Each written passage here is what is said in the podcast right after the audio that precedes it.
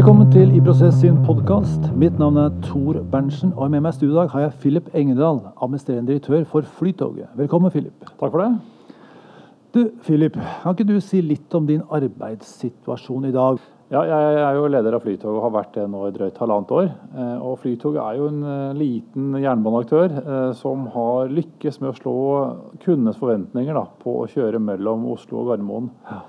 Også selv om det er sterk konkurranse, så, så ligger Flytoget milevis foran konkurrentene sine. Både på tog, buss, taxi og bil når det gjelder fremføring til, til fra Gardermoen. Ja. Og dette har jeg da tatt over. Eh, og jeg hadde en kollega som sa når jeg takket ja til denne stillingen eh, Du kan jo ikke åpne annet enn å mislykkes med å skape noe som er veldig bra, til noe som kan bli forverret. da. Eh, jeg ser det ikke helt sånn, for nå er vi i en brytningstid. Eh, jernbanereformen har sikkert de fleste fått med seg, eh, og det innebærer altså store endringer for Flytoget. Det betyr jo at vi i fremtiden ikke skal konkurrere bare om å få kunder, men, men også konkurrere om anbud og vinne kontrakter. Og det er en helt annen disiplin Ja. enn enn å vinne slaget om, om kundene dag til dag. ja. Den jernbanereformen er vel noe av det største reformen i Norge om dagen. Berører den dere like mye som det berører de andre selskapene? Jeg vil tro at dere kanskje er litt mer rigga for den type konkurranse? Eh, Nei, Vi har jo ingen konkurranse, altså erfaring når det gjelder anbud. Det er en annen eh, disiplin. Da slåss man jo om, om å vinne en konkurranse med noen store internasjonale aktører som kommer til å melde seg på. Eh, Og, og da er det nær sagt andre egenskaper enn en kundemøte som er viktig. Det er mye formalia, det er mye beregninger av kostnader, eh, det er mye forventninger om fremtid analyser av det, som, eh, som man må kunne i tillegg. da. Så har nok vi gode forutsetninger med den driften vi har i dag til å kunne vinne fram i anbud, men, men allikevel så er det en annen type konkurranse. Ja. Dere er jo små, i hvert fall sammenlignet med konkurrenten, eller konkurrentene. Ja. Eh, vil du si at det er en fordel å være liten, eller, eller har det å være liten noen fordeler i den, denne situasjonen? Ja, jeg tror det har vært en fordel å være liten og ikke hatt med seg en, en arv. Altså Jernbanen er veldig konservativ, så når man skal gjøre endringer, så er man mer lettfotet hvis man er en liten organisasjon, og heller ikke en så veldig gammel organisasjon. da. Vi, vi feirer 20-årsjubileum i år, eh, sånn at vi er ikke så veldig gamle heller. Nei. Og Det tror jeg ikke er en fordel når det gjelder å kunne snu seg rundt. da. Du har gjennomført vår endringsmodenhetindeks, endringsmodenhet-indeks, EMI som vi kaller den. og eh, Hva er resultatet? Er dere modne til å gjennomføre de endringene dere står overfor? Ja, jeg tror det. Eh, og klart Nå skal vi jo måle oss mot konkurrentene i denne endringen. eh, og Da vil vi møte eh, nær sagt NSB på hjemmebane, men samtidig også møte større aktører, europeiske, som har denne type erfaring. Så, så vi har en utfordring her. Men jeg, tror vi er modne for endring. Jeg tror også det er skapt gjennom at det har vært en, en bred debatt om, at, om at vi må endres. Det som er utfordringen, er at vi er en kjempesuksess i dag. Ja. Sånn at det å måtte gjennomføre endring i praksis når det går så bra, og si at ja, men eh, dette er ikke godt nok, eller forklare hvorfor det ikke er godt nok, det, det er en utfordring. Ja. ja, for det er det store målet fremover blir kanskje ja, Hva blir det egentlig? Altså, blir det å overleve, eller blir det å, å vokse? Eller, eller hva, hva blir den store fremtidsvisjonen sånn, i, i, en sånn rolle hvor du egentlig er, kanskje er best da, på kvalitet? i hvert fall? Du var inne på det. Vi har sagt det er å overleve. Altså, Ja. vi, vi kan en disiplin. Det har vi øvd på nå i 20 år og blitt eh, veldig gode på. Eh, og det er å være, eh, altså forstå kundenes behov som skal ut og fly. Det er noe annet enn, enn å, å, å håndtere andre jernbanestrekninger. Sånn at eh, Først og fremst så ønsker vi å fortsette med det vi driver med, Ja. eh, så, så lenge som mulig. Eh, og, og det er det vi er aller best på. Så kan det hende at vi må lære oss andre disipliner. Men du kan si nå er vi, måte, vi regionsmester på en sprint. da. Ja. Og det å kjøre altså nasjonale nettet, det er kanskje mer som å, som å bli en verdensmester i langdistanse. Og klart at det, Den transformasjonen der er, den er tung. ja. Betyr det at dere har ambisjoner om å vokse også? Eh, ja, vi har det, men de må være realistiske. Eh, og det er klart at jeg tror det, det er kanskje ikke alle har fundert over, men den jernbanereformen er jo ikke den er jo ikke til for eh, altså Den er til for mange ting. fremst for å øke effektivitet. Men samtidig så betyr jo det at den norske jernbanen er ikke norsk lenger. Den blir internasjonal. Eh, sånn at vi må være forberedt på å møte andre konkurrenter enn det vi har i dag. Så vi må være litt edruelige også og si hvordan kan vi lykkes da, når vi møter ta, datterselskapet til Deutsche Bahn Arriva eller franske eide selskapet Keolis eller Transdev, som omsetter for 50-60 milliarder eh, på verdensbasis, og som kan dette her veldig godt, så skal vi måtte være litt udruelige og se hva er våre styrker og hva er våre muligheter for å kunne eh, vokse dette markedet her. Mm. Holder det da å bare være i Norge f.eks., ja. når alle andre er internasjonale? Jeg tror ikke det. og Da må vi se på hva er konstellasjonene da. Så vi, vi, har noen eh, store tanker som må tenkes ut først, eh, før vi kan realisere eventuelle vekstambisjoner. Jeg skjønner. Det er en stor endring i den norske transportsektoren, det er helt sikkert. Um, men dette er jo spennende lederutfordringer. Uh, tilbake til deg. Hva gjorde at du ble leder? Er det noen spesielle hendelser eller episoder som påvirker dette valget om å bli leder? Nei, jeg tror er, den, den, tanken har kanskje vokst seg frem etter hvert. og jeg tror jeg har uh, tatt med meg hele tiden en, en, en, trang til å optimere og til å forbedre. Uh, og det har vært, eh, det har vært, uh, vært sånn nær sagt fra, fra barnsben av. Da. Alltid vært liksom opptatt av å, smarte løsninger, ja, effektivisere. Eh, og etter at jeg studerte, jeg studerte økonomi da, i Tyskland i, i seks år, så, så, hadde jeg heller ikke noe trang om å bli leder. Hadde ikke noe trang om å, å, om å, stå i sentrum. Jeg har aldri vært elevrådsformann, aldri hatt noen ambisjoner om å stå på scenen. sånn sett. Men har jo måttet innsett at hvis man skal fortsette med, eller hvis jeg skulle fortsette med, med å kunne effektivisere, forbedre, så, så, har man best forutsetning dersom man uh, er leder. Ja. Da kan man påvirke i større grad. Ja. Så det er vel egentlig det tror jeg som har ført til at jeg har, har uh, blitt leder. Eh, den er grunnleggende interessen for å forbedre ting. Har, har vært det hele tiden. Da. Akkurat. Hva tenker du er de, de største utfordringene for, eh, for, ledere i dag, sånn generelt sett? Altså, det er mye forstyrrelser, eh, så jeg tror det er viktig å kunne evne å prioritere. Det tror jeg er liksom aller viktigst. Da. Og da må man, jo For å kunne prioritere, så må man ha oversikt. Så det, det er en annen egenskap. da. Å kunne, å kunne sortere ut og kunne analysere litt. da. Samtidig så er det sånn at det er jo nesten nær sagt alle kan bli ledere. Gode ledere. Altså Det er jo ingen aldersbegrensninger. Man kan være ung, man kan være gammel, du kan være mann eller kvinne. Man kan ha utdannelse, man kan ikke ha utdannelse. Man kan eh, ha ulik etnisk bakgrunn. sånn at jeg tror det, at det å bli leder det handler mye om, om grunnleggende egenskaper. Eh, kunne evne å prioritere, kunne jobbe hardt, kunne si fra. Eh, og, eh, og eh, kunne lytte. Jeg tror det er sånn primært Kan du det, så, så, så er liksom bakgrunnen mindre relevant. da. Ja.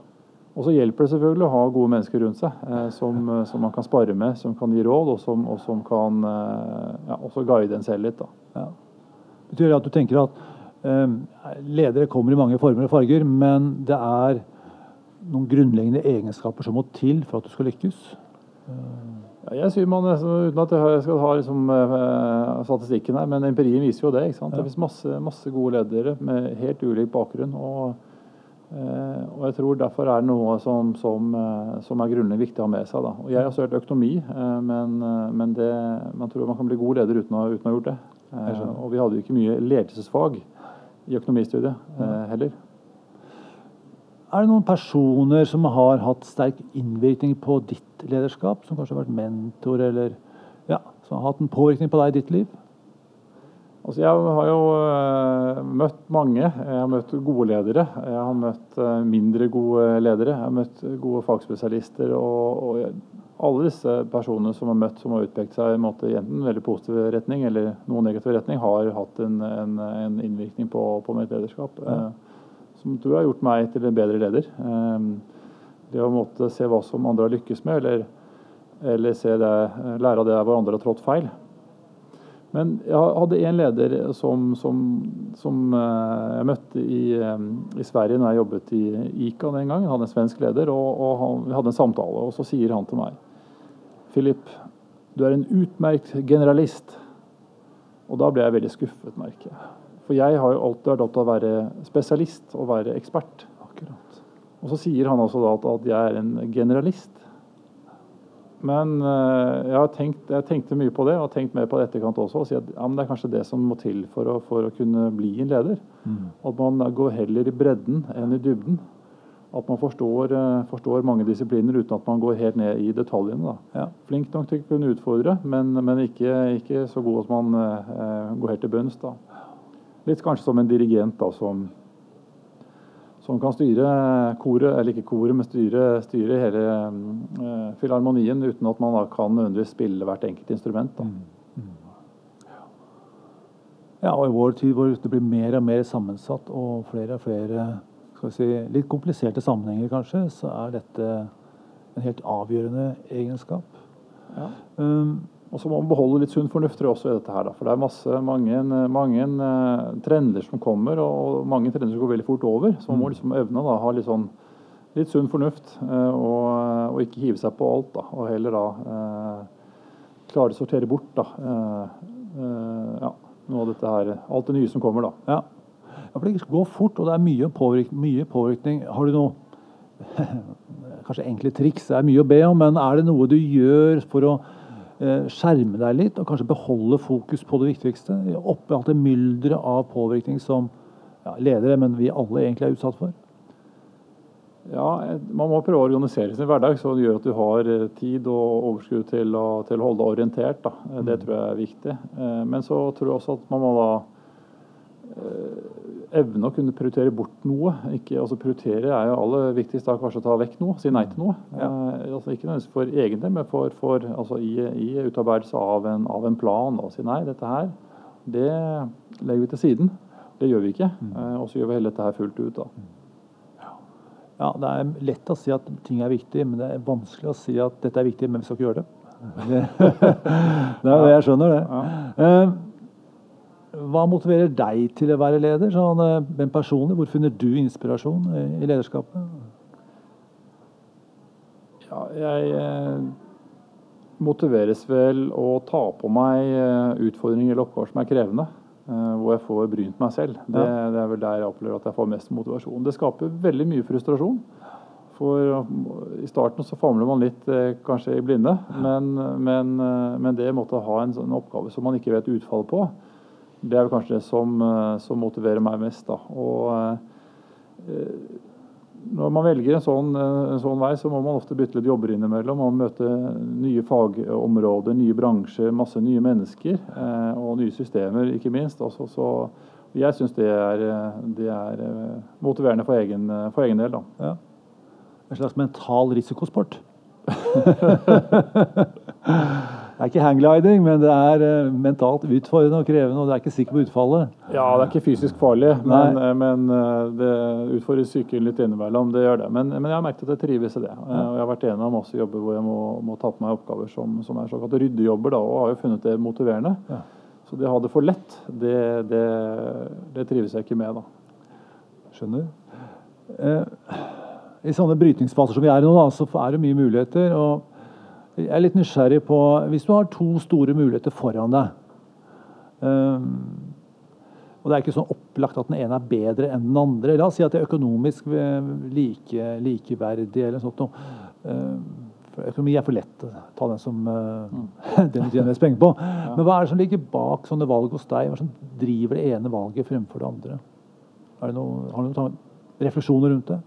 Nei, jeg har jo lært meg å nær sagt spørre en venn. da, altså Det, det altså, involveres i så bred grad som mulig. Eh, for eh, jeg har ingen sånn si, personlig prestisje. Jeg må ha rett, da, men jeg vil at vi velger rett. Eh, og da eh, er det fornuftig å spørre så mange som mulig rundt, som, som selvfølgelig er kompetente ja, ja. Til å bidra og påvirke valget. da.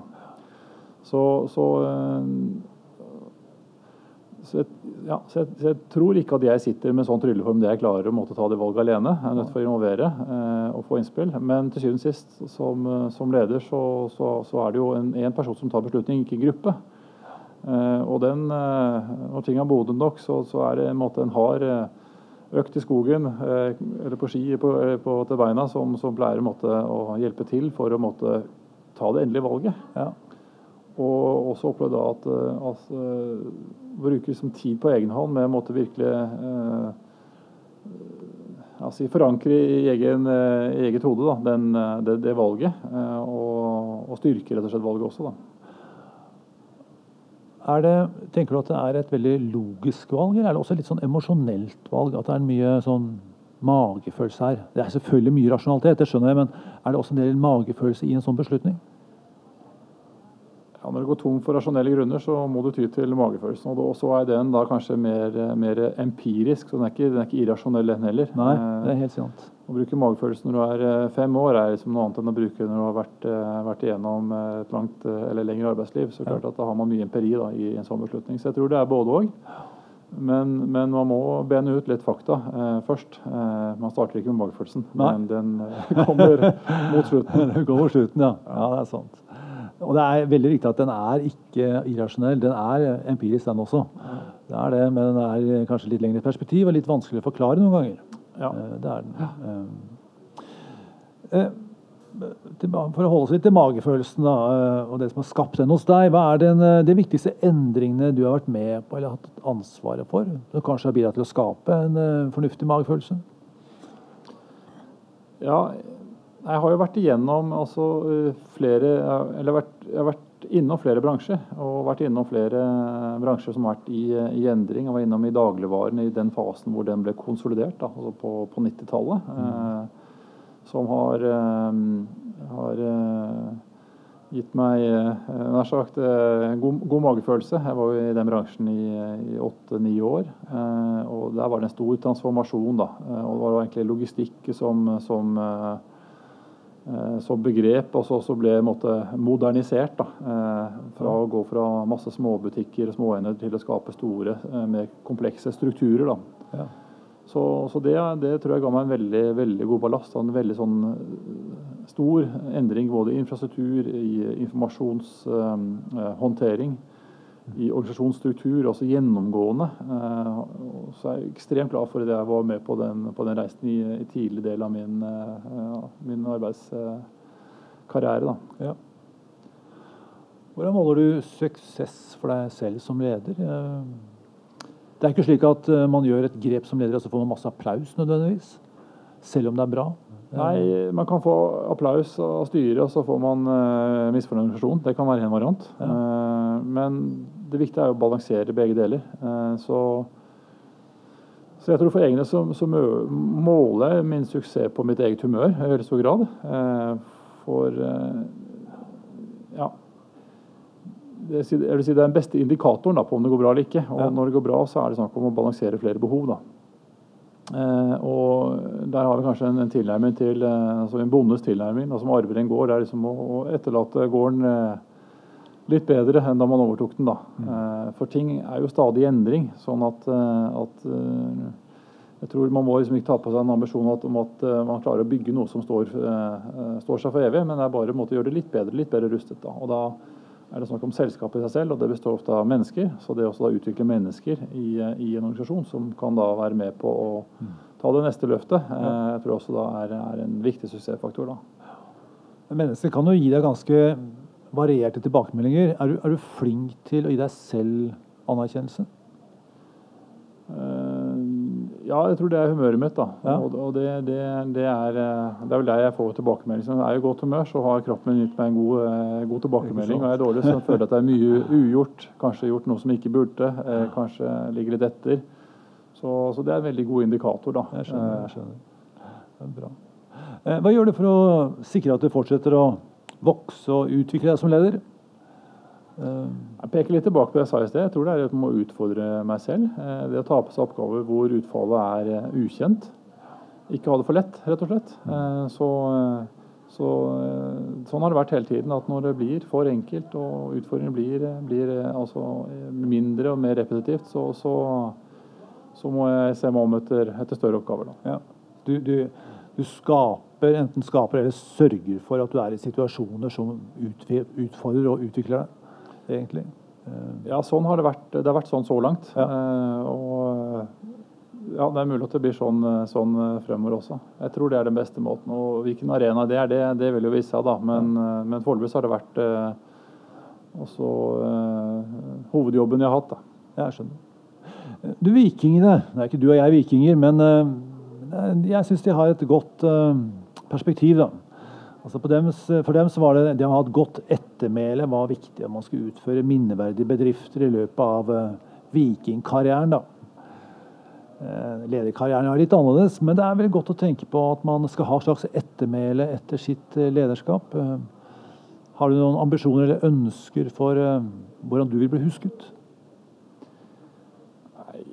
Jeg vet ikke om det er mange ledere som, som blir husket veldig lenge. For ting er jo i endring. Uh, så, sånn at uh, jeg har vel ikke noen egen ambisjon på eget vegne om at det skal reise en bauta, eller lages en byste, eller henges opp et, eh, et fotografi på veggen eh, etter meg som leder. Jeg tror det er litt gammeldags. Så jeg tror eh, at dersom jeg klarer å, å måtte forbedre selskapet den, den, tiden jeg er der, og overlevere det videre, og, og gjøre det mer robust da, for fremtiden, så, så, får det være godt nok for min del. Så får jeg vel heller Eh, ja, eh, sørge for at, at ettermælet er eh, ikke negativt, men at det er, at det er noe som kommer til å huskes for generasjoner. Ja, jeg skjønner.